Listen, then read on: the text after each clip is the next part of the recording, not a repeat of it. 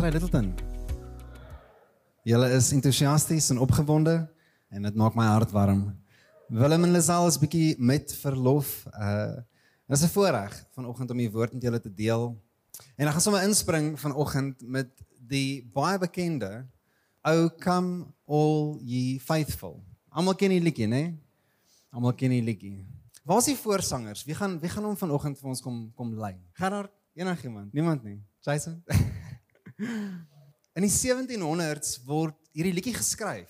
O come all ye faithful. Dit's interessant van hierdie liedjie is dat na 300 jaar weet ons nog steeds nie wie hierdie liedjie geskryf het nie. Beide die woorde en die musiek. Nou daar is bespiegeling rondom wie van die mense moontlik kon wees, maar daar's nie 'n enkele persoon na wie ons te kan verwys en sê die persoon het hierdie liedjie geskryf nie. En ek dink dit sê meer oor hierdie liedjie as wat die liedjie dalk self sê. Kom ons lees saam met die woorde. Say, "O come all ye faithful, joyful and triumphant. O come ye, all come ye to Bethlehem. Come and behold him, born the King of angels." En dan die baie bekende, "O come, let us adore him. O come, let us adore him. O come, let us adore him, Christ the Lord."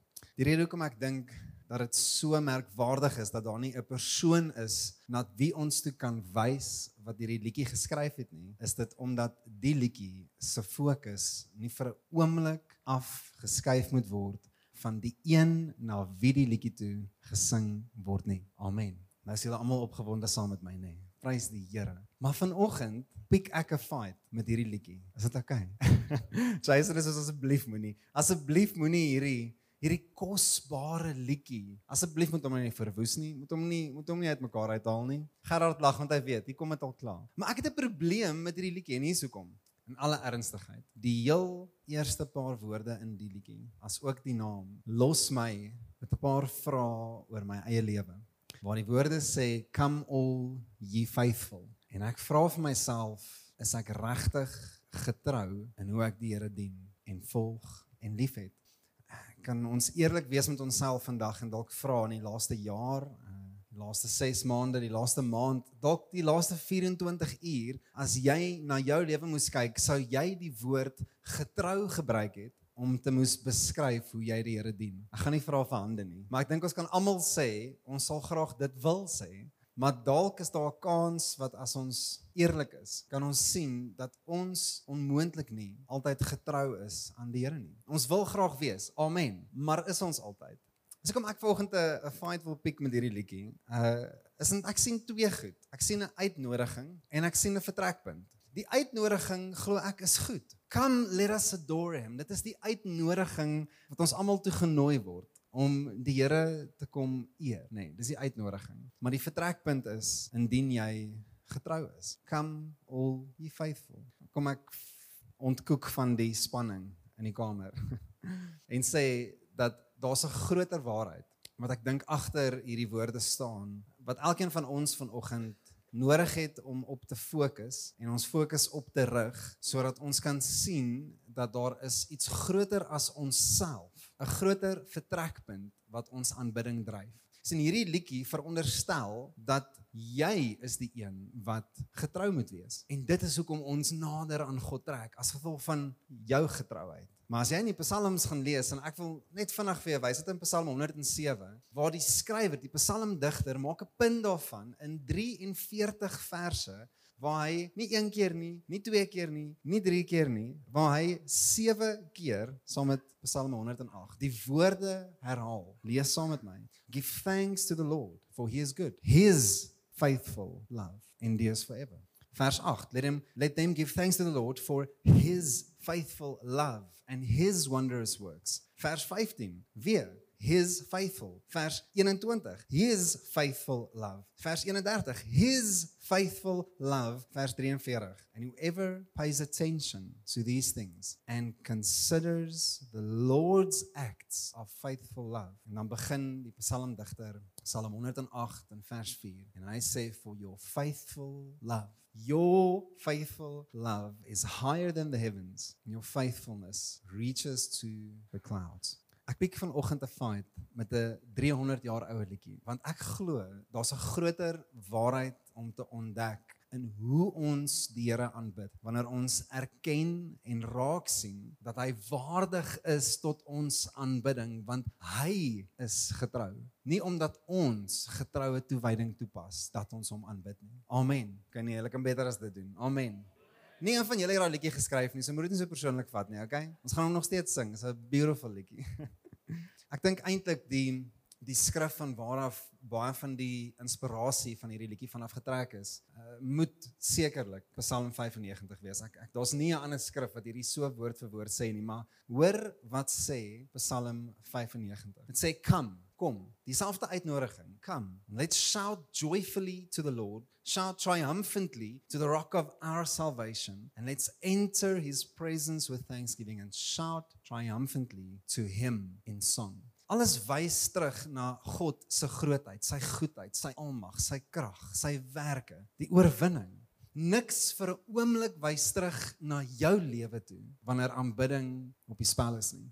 Maar hoekom is dit die geval wanneer baie mense in aanbidding moet staan, is dit amper asof dit onder die die vergrootglas inkom. Is jy moet eers in jou lewe A B en C reg hê of gedoen het of in plek hê vir jou om te kan aanbid because come if you are faithful enough. Maar die woord sê nee, blatantly, direk sê hy vir ons, kom, nie omdat jy goed is nie, maar omdat God groter is as enigiets. Hy is waardig van ons aanbidding.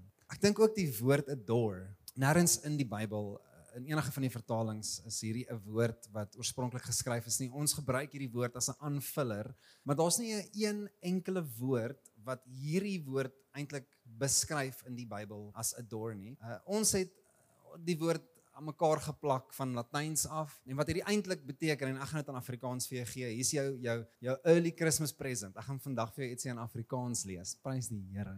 Maurice deel iets met jou in Afrikaans. Maar die woord adore is 'n diepe eerbied. Dis 'n diepe eerbied. Niks anderste verdien daai diepe eerbied as God nie. Dis alleenlik gereserveer vir hom, 'n diepe eerbied. Dis 'n bewondering, dis 'n respek, 'n agting. Dis om in verwondering te staan. En vandag gebruik ons die woord adore wanneer dit saam met die woord adorable gaan, nê? Nee? Adorable. Nou, soveel adorable goed in die lewe, nê? Nee? Die woord het soveel gewig verloor. Iets wat eintlik een kant toe gesit was, alleenlik om te beskryf die die vorm wat ons opneem as ons aanbid. The posture that we take when we worship. En weer eens niks wys terug na my te doen nie. Niks wys terug na hoe goed ek is en wat ek al reg gekry het en jy weet die unholy trinity me myself and i. Jy almal ken die unholy trinity. Niks van dit wys terug na my toe nie. Inteendeel aanbidding wys altyd terug na God toe. God die Vader die Seun en die Heilige Gees 'n drie enige God. En ons gaan vandag 'n bietjie meer oor die drie enige God gesels Maar ek wil hê ons moet hierdie sien is dat daar's niks meer waardig. There's nothing more adorable than God. He is the only one worthy of adoration. Daar's niks in hierdie skepping. Ek sê nie jy mag nie van hondjies hou nie. Asseblief hou van jou honde. Daar's van julle wat meer ernstig oor jou hond voel as oor van jou familielede of van ek sê eerder skoon familie. Maar ons verstaan, ons selfs jou katte, ons verstaan, ons verstaan. Jy mag emosies hê teenoor daai vierbenige kind van jou. Jy mag. But to adore is sacred. It is sacred. Psalm 100 vers 1 tot 3 vat ook van hierdie woorde saam en en ek wil hierdie met jou deel vanoggend voordat ons in ons skrif gaan inklim wat ons vandag meer tyd in gaan spandeer. Maar die psalmdigter skryf, hy sê let the whole earth, let the whole earth. Met ander woorde, eerstens, laat toe, moenie stop nie, moenie verhinder nie, maar ook moet nie dit misbruik en verander goed gee nie. Laat die hele wêreld, laat alles sien. Let the whole earth shout triumphantly to the Lord. Serve the Lord with gladness. Come before him. Eerstens, come before him with joyful songs and twee, acknowledge that the Lord is good. Om in verwondering te aanskou hierdie hierdie diepe eerbied te bring, vra twee goed van jou. Dis twee goed wat jy vandag gaan moet raak sien. Eerstens is jy gaan dit moet persoonlik beleef. Dis onmoontlik vir jou om te reageer in eerbied tot God as jy dit nog nie persoonlik ervaar het dat God die enigste een is na waartoe ek my aanbidding rig nie. Aanbidding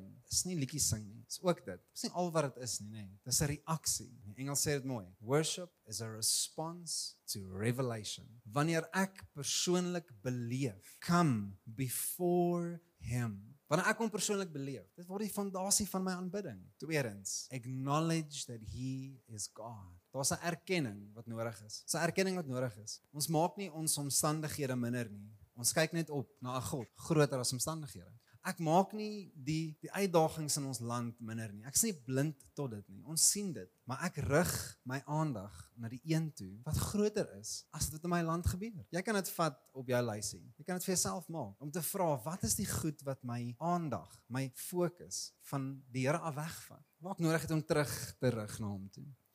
Ek wil gou iets wetenskaplik met jou deel. Ek is glad nie wetenskaplik nie, nie vir 'n oomblik nie. Maar elke stukkie materie elke stuk materie vibreer en resoneer op 'n unieke frekwensie. Weet nie of jy dit weet nie. Alles, alles vibreer op 'n unieke frekwensie. Daar's van die frekwensies wat jy dalk nie eers kan hoor nie. En dank die Here vir dit want jy sal nooit stilte beleef nie. So ons gehoor kan net in 'n sekere hertzfrekwensies hoor. Maar ek is oortuig daarvan dat selfs net die bestaan van iets, die bestaan van 'n atoom, 'n molekule, 'n sel, dat alles vibreer op 'n frekwensie wat die heeltyd God eer. That worships God. Al weet die persoon dit nie eers nie. Net die bestaan van materie reeds eer God. Wat sê die skrif vir ons? Sê as die seuns van God hom nie aanbid nie, sal wat? Sal die klippe hom aanbid. Vriende, ons ons het nodig wanneer ons aanbidding sien en die geleenthede van aanbidding. Oomblikke saam en ook oomblikke in privaat. Tyd saam met die woord, tyd saam met die Heilige Gees, tyd saam met die Here. Afgesonderde tyd, dan sien ek die dryfkrag van daai as 'n persoonlike ontdekking van wie Vader vir my is, wie wie Jesus vir my is, wie die woord, die waarheid vir my is, wie die Gees vir my is. En ek erken, ek moet erken, daar's geen ander relevante reaksie as om jou hele wese na die Skepper toe te gooi en hom te aanbid nie, want hy is waardig. Amen. Okay, julle is opgewonde saam met my. Maar ek wil vanoggend uh, skrif met jou deel en dis dis net twee verse. Dis twee verse wat ek saam met jou my fokus op wil sit sodat ons vanuit hierdie ons fokus op die Here kan rig om te sien hoe hy die een is wat getrou bly nie ek en jy nie. We don't come to worship because we are faithful. We worship because God remains faithful. En hierdie skrif gaan vir ons wys hoe. So as jy 'n Bybel by jou het Romeine 8 ons gaan net twee verse lees vers 26 en vers 27 kom ons duik in. Paulus skryf in vers 26 hy sê in the same way kom in the same way the spirit also helps us in our weakness because we do not know what to pray for as we should, but the Spirit Himself intercedes for us with inexpressible groanings. And He who searches our hearts knows the mind of the Spirit because He intercedes for the saints according to the will of God. Die eerste ding wat ek vandag vir uit hierdie skrif uit wil lees wat ons hier uitvat, sodat ons ons fokus rig op God se getrouheid, is dat God bly getrou in ons swakheid. En hier's gaga wat ons vinnig vir mekaar moet sê. Paulus en die skrif verwys nie hierso na die oomblikke wanneer jy soms swak voel nie. Dis nie daai swakheid nie. En almal van ons kan eerlik wees, ons voel baie keer swak, fisies, emosioneel, geestelik. Jy weet ons voel baie keer pap. Aan die einde van die jaar, ek kan sien, party van julle hierso, ek weet nie, hulle lyk like half wakker en half deur die weer. Maar jy kan jy kan saam met my erken dit dit is realiteit. Partykeer voel ons net swak. Dis nie waarna toe die skrif hier verwys nie. Wat Paulus hierna toe verwys is 'n kondisie van swakheid. Dis nie die Heilige Gees help jou wanneer jy swak voel by die werk of wanneer jy swak voel in jou in jou ouerskap of wanneer jy swak voel in jou gesondheid nie. Natuurlik staan hy ons by, natuurlik. Maar dis nie waarvan hierdie skrif hier praat nie. Want Paulus begin hier met soos wat Paulus baie doen wat ek noem 'n hakwoord. Die hakwoord hak aan iets wat hy vroeër gesê het. In the same way. So nou moet ons teruggaan. Wat Paulus eintlik hier in Romeine 8 vers 20 tot 25 sê, wil ek gesaam met jou lees. Paulus begin hier en hy sê for the creation was subjected to futility. Almal van ons die hele skepping met die sondeval het ons 'n kondisie opgeneem. Hy gaan aan, not willingly, but because of him who subjected it, Adam. In the hope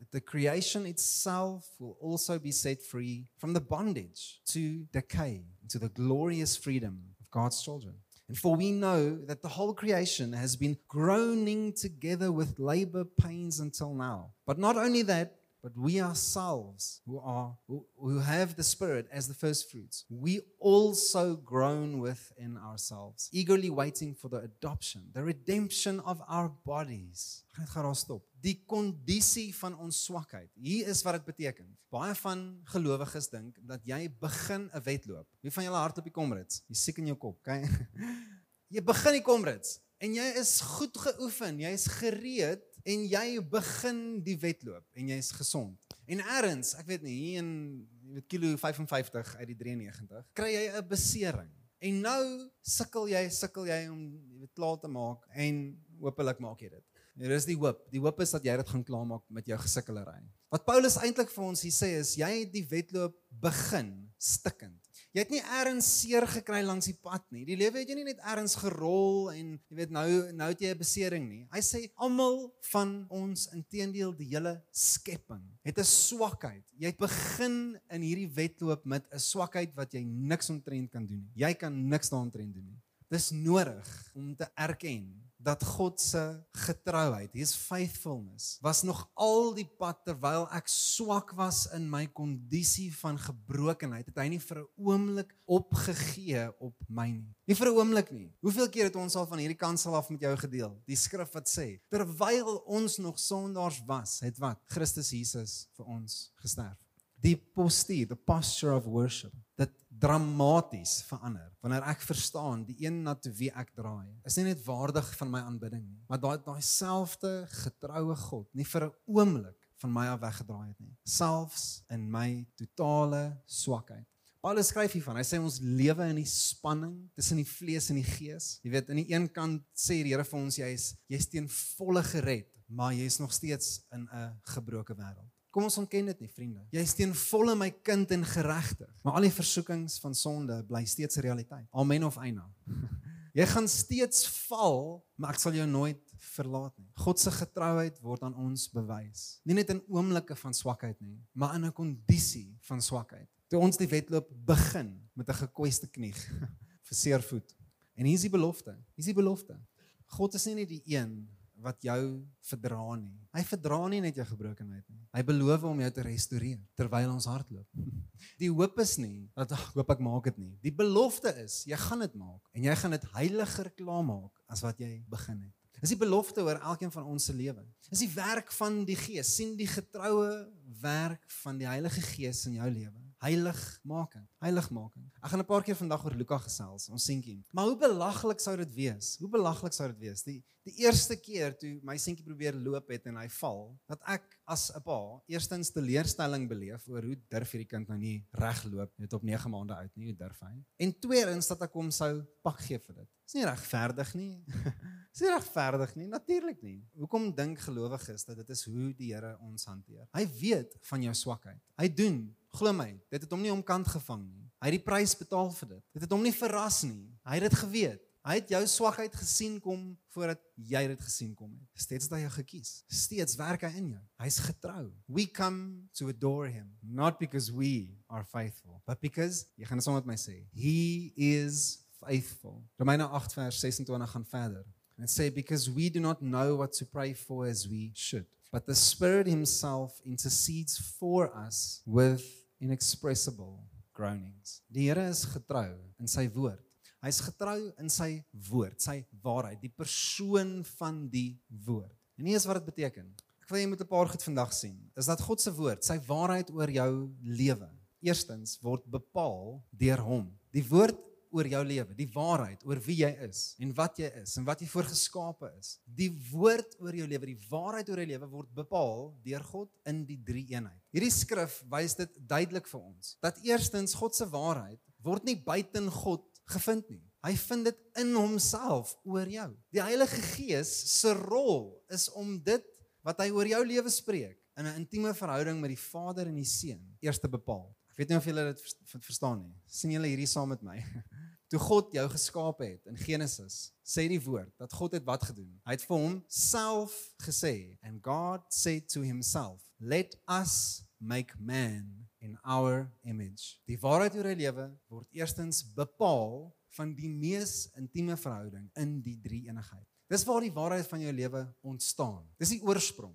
Okay. Tweedens, dalk sien jy die prentjie as jy al drie van hierdie saam sien. Dit word beklemtoon tussen die drie eenheid. Nie net bepaal God die woord en waarheid oor die lewe nie. Dit word daar gebeklemtoon. Dit sê daar dat die Heilige Gees die een is wat God hy hy plead, he's pleading with God the Father on our behalf. Hy herinner God die heeltyd oor die waarheid wat in die drie eenigheid oor jou begin het. Dat jy gered sou wees. Dat jy gekies sou wees, dat jy geken sou wees binne in die drie eenigheid. In Jesus se eie woorde was sy missie om ons te rekonsilieer met die Vader. Ons word ingenooi in 'n ewige gesprek, 'n ewige verhouding, 'n ewige eenheid word ons in ingenooi om die waarheid wat bepaal is en dieselfde waarheid, dieselfde waarheid wat beklemtoon word om dan hierdie waarheid bekend te sien. Die waarheid, die woord oor die lewe word bekend gemaak vanuit die drie eenheid. We do not know what to pray for.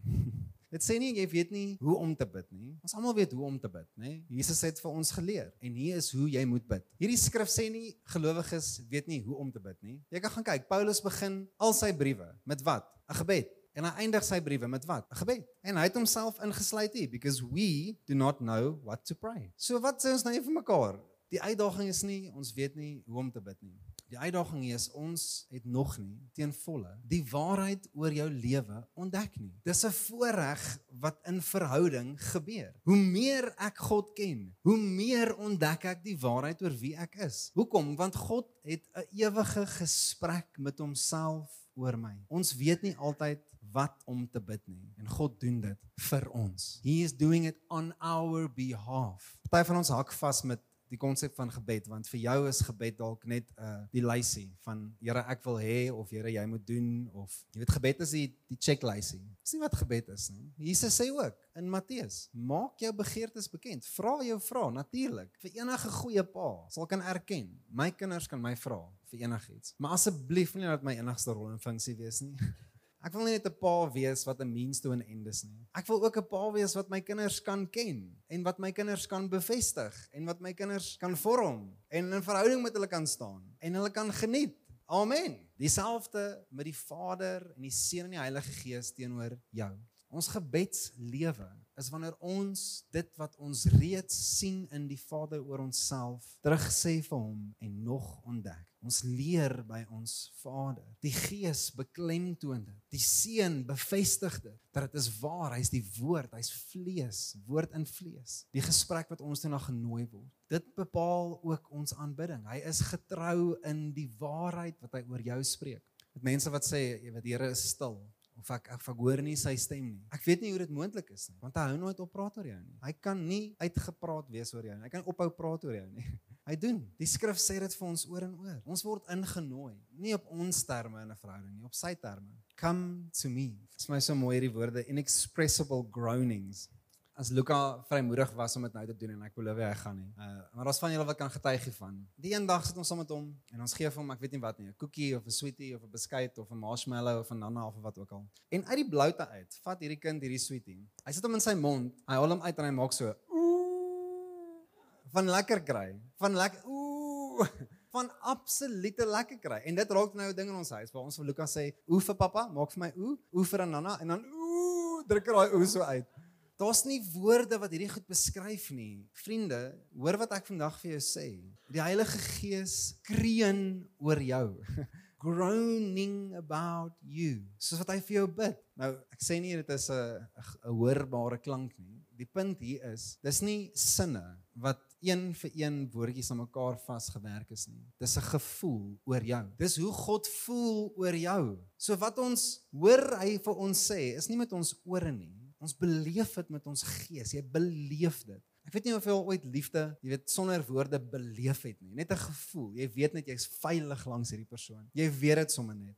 Ons baie keer wat as ons Luka by my ouers aflaai, dan wil hy kind niks met ons te doen hê nie. Hy soek net my ma. Hy soek net ouma. Maar daar's 'n gevoel wat hy weet. Ek is veilig, ek is geliefd, ek is gekies, ek is kosbaar hierso. Dis wat jy beleef in aanbidding. God se getrouheid in sy woord, sy waarheid oor jou wat beleef word, ervaar word. Ek is geliefd, ek is gekies, ek is 'n seun.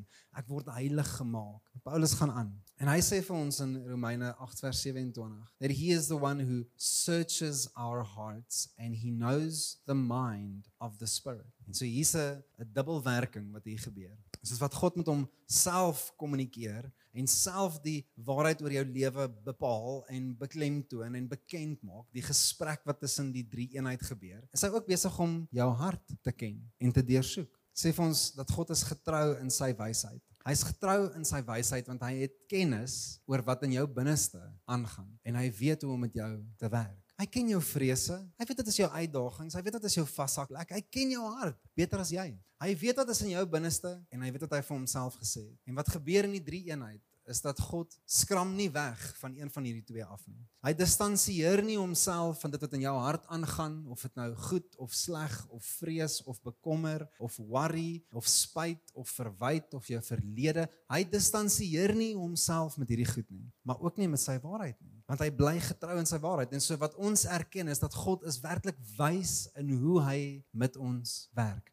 Hoor gou wat sê 'n paar psalms. Psalm 19 vers 4. May the words of my mouth and the meditation of my heart be acceptable to you, Lord, my rock and my redeemer. Psalm 26 vers 2. Test me, Lord. Try me, examine my heart and my mind. Psalm 38 vers 9. Lord, my every desire is in front of you. My sign is not hidden from you. Die Here is getrou in hoe hy ons harte deursoek en hoe hy weet wat om in te spreek in jou lewe. As jy lewe met 'n vreesvolle hart, wat wat is daar om te doen? Wat doen jy? Jy laat toe dat 'n God wat getrou is in sy waarheid en woord, ook getrou is met dieselfde wysheid en hoe hy in daai goed inspreek. So wat doen ek? Ek sit my hart voor hom en sê ek het vrese. Laat toe dat hy werk met dit. Daar's niks anderste. Jy kan vir Kobus vra. Hy ken baie van behandeling van kondisies. Daar's niks wat hartsake meer duidelik kan aanspreek as God homself nie. Hy ken jou hart. Hy weet wat aangaan in jou hart. Inteendeel, die Bybel maak dit ook duidelik dat die Heilige Gees, die persoon van die Gees, het emosies. Hy voel oor jou. Hy dink hy's hy hy het 'n persoonlikheid. Wie kan getuig daarvan? Amen. Hy ken jou en hy het meegevoel saam met jou. God neem nie tree weg van jou hart af nie. Inteendeel, hy gebruik juist dit dat hy jou hart kan ken in 'n oomblik. In 'n oomblik weet hy wat in jou binneste aan die gang is. En so wat doen ons? Ons draai na hom toe. Vader, nie net ken U my hart nie, maar U werk so getrou met my hart. U weet wat hier binne is. 'n Laaste een vandag vir ons is wat ons ons tyd saam afsluit. Paulus maak hierdie vers klaar in vers 27 en hy sê because he intercedes for the saints according to the will of God. Want God is getrou in sy wil. Hy is getrou in sy wil dat hy weet wat hy vir jou lewe beplan het, goed sal wees. Dit gaan net 'n paar verse aanskryf vir hulle en hy sê ons weet dat alles vir goeie sal uitwerk. Everything will work out for the good of those who love him. Hy's getrou in sy wil vir ons en so God se perfekte wil, sy perfekte plan vir jou lewe. Dit wat ek kom vind in hom, hoe om 'n pa te wees, hoe om 'n goddelike besigheidsman te wees, hoe om 'n verskil te maak in my samelewing, hoe om mense te vergewe, hoe om geduld te hê, uh, hoe om meer eerlik te wees, hoe om minder geïrriteerd te wees, hoe om sagter te wees, hoe om meer soos Jesus te wees. Dit wat hy begeer vir my lewe, van die moeilike besluite, van die moeilike omstandighede. Wat hy begeer vir my lewe is net goed. Dit is perfek en dit is vertroubaar. Ek kan my lewe op dit bou want hy bly getrou in wat hy beplan vir my lewe. Al verstaan ek nie dit nou nie. Vriende, hoor hierdie vandag. 'n Hart wat wil aanbid is 'n hart wat nie terughou nie. Jy kan nie jou aanbidding in stukkies vir God gee nie. Dis alles van my. It's the good and the bad and the ugly. Dis alles in my binneste en dis alles rondom my en alles wys terug na 'n God wat ek vertrou met my lewe. Nie net met my ewigheid eendag nie, met my lewe. Nou, that everything can be trusted to God. Sy goeie wil vir my. Die Gees bid God se wil oor jou lewe konstant. Weet nie of julle hierdie saam met my lees nie. Die Heilige Gees bid God se perfekte wil oor jou lewe vir jou. En alles waarvoor jy vertrou en alles waarvoor jy wens en alles na waar jy toe uitsien en alles wat jy voorbang is, is hy besig om God se perfekte wil oor jou lewe te bid. Hy's getrou in sy wil vir jou. En so ek wil afsluit met hierdie. Kom ons maak vandag hierdie liedjie reg. We don't come because we are faithful.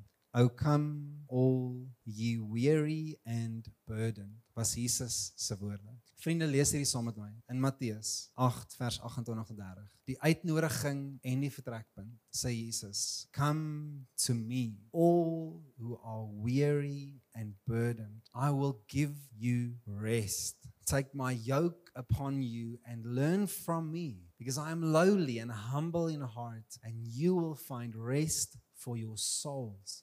For my yoke is easy and my burden is light. Ek is getrou in hoe ek met jou werk. Ek is getrou as jy swak is. In your weakness I am faithful. Ek is getrou in my waarheid wat ek oor jou spreek. Ek is getrou in my wysheid en hoe ek werk met jou binneste en ek is getrou met my wil wat ek beplan en beloof vir jou lewe. So don't come all you faithful, come all you weary and burdened. Kom vind waar er is in my and let us adore him. Hy's waardig. Amen. Kom ons bid saam. Vader vanoggend vanuit u woord en u waarheid. Here kom rig ons ons aandag na u toe. God, we come and adore you this morning. Here ons kom sê dankie dat u die een is wat getrou is. En Here ons weet dat as ons na ons eie lewe kyk, dan weet ons daar was oomblikke, tye, seisoene en selfs geleenthede waar waar ons dalk u wil gemis het. Waar ons dalk u wysheid gemis het of selfs dalk die waarheid gemis het. Here want ons swakheid is 'n realiteit. Here u woord bevestig dit ook. Sonder u is daar geen kans vir ons nie. Maar Here ons kom prys u vanoggend. We come and adore you because you remain so so faithful. Jy het so getrou gebly nog elke dag van my lewe. God all of my life you've been so faithful. En Here ons neem die uitnodiging vanoggend soos wat Jesus ons nooi. Come all you weary, all you burdened. Here ons kom sit ons ons lewens veilig in u hande. En ons rig ons aandag na u. We adore you. We worship you. You are worthy. U is so waardig. U almag en u glorie. U verdien ons lof. En so ons loof u. God, you deserve it. Ons prys u. You deserve it. En ons doen dit in die naam van Jesus. Sê saam met my stem vanoggend, kom ons sê amen.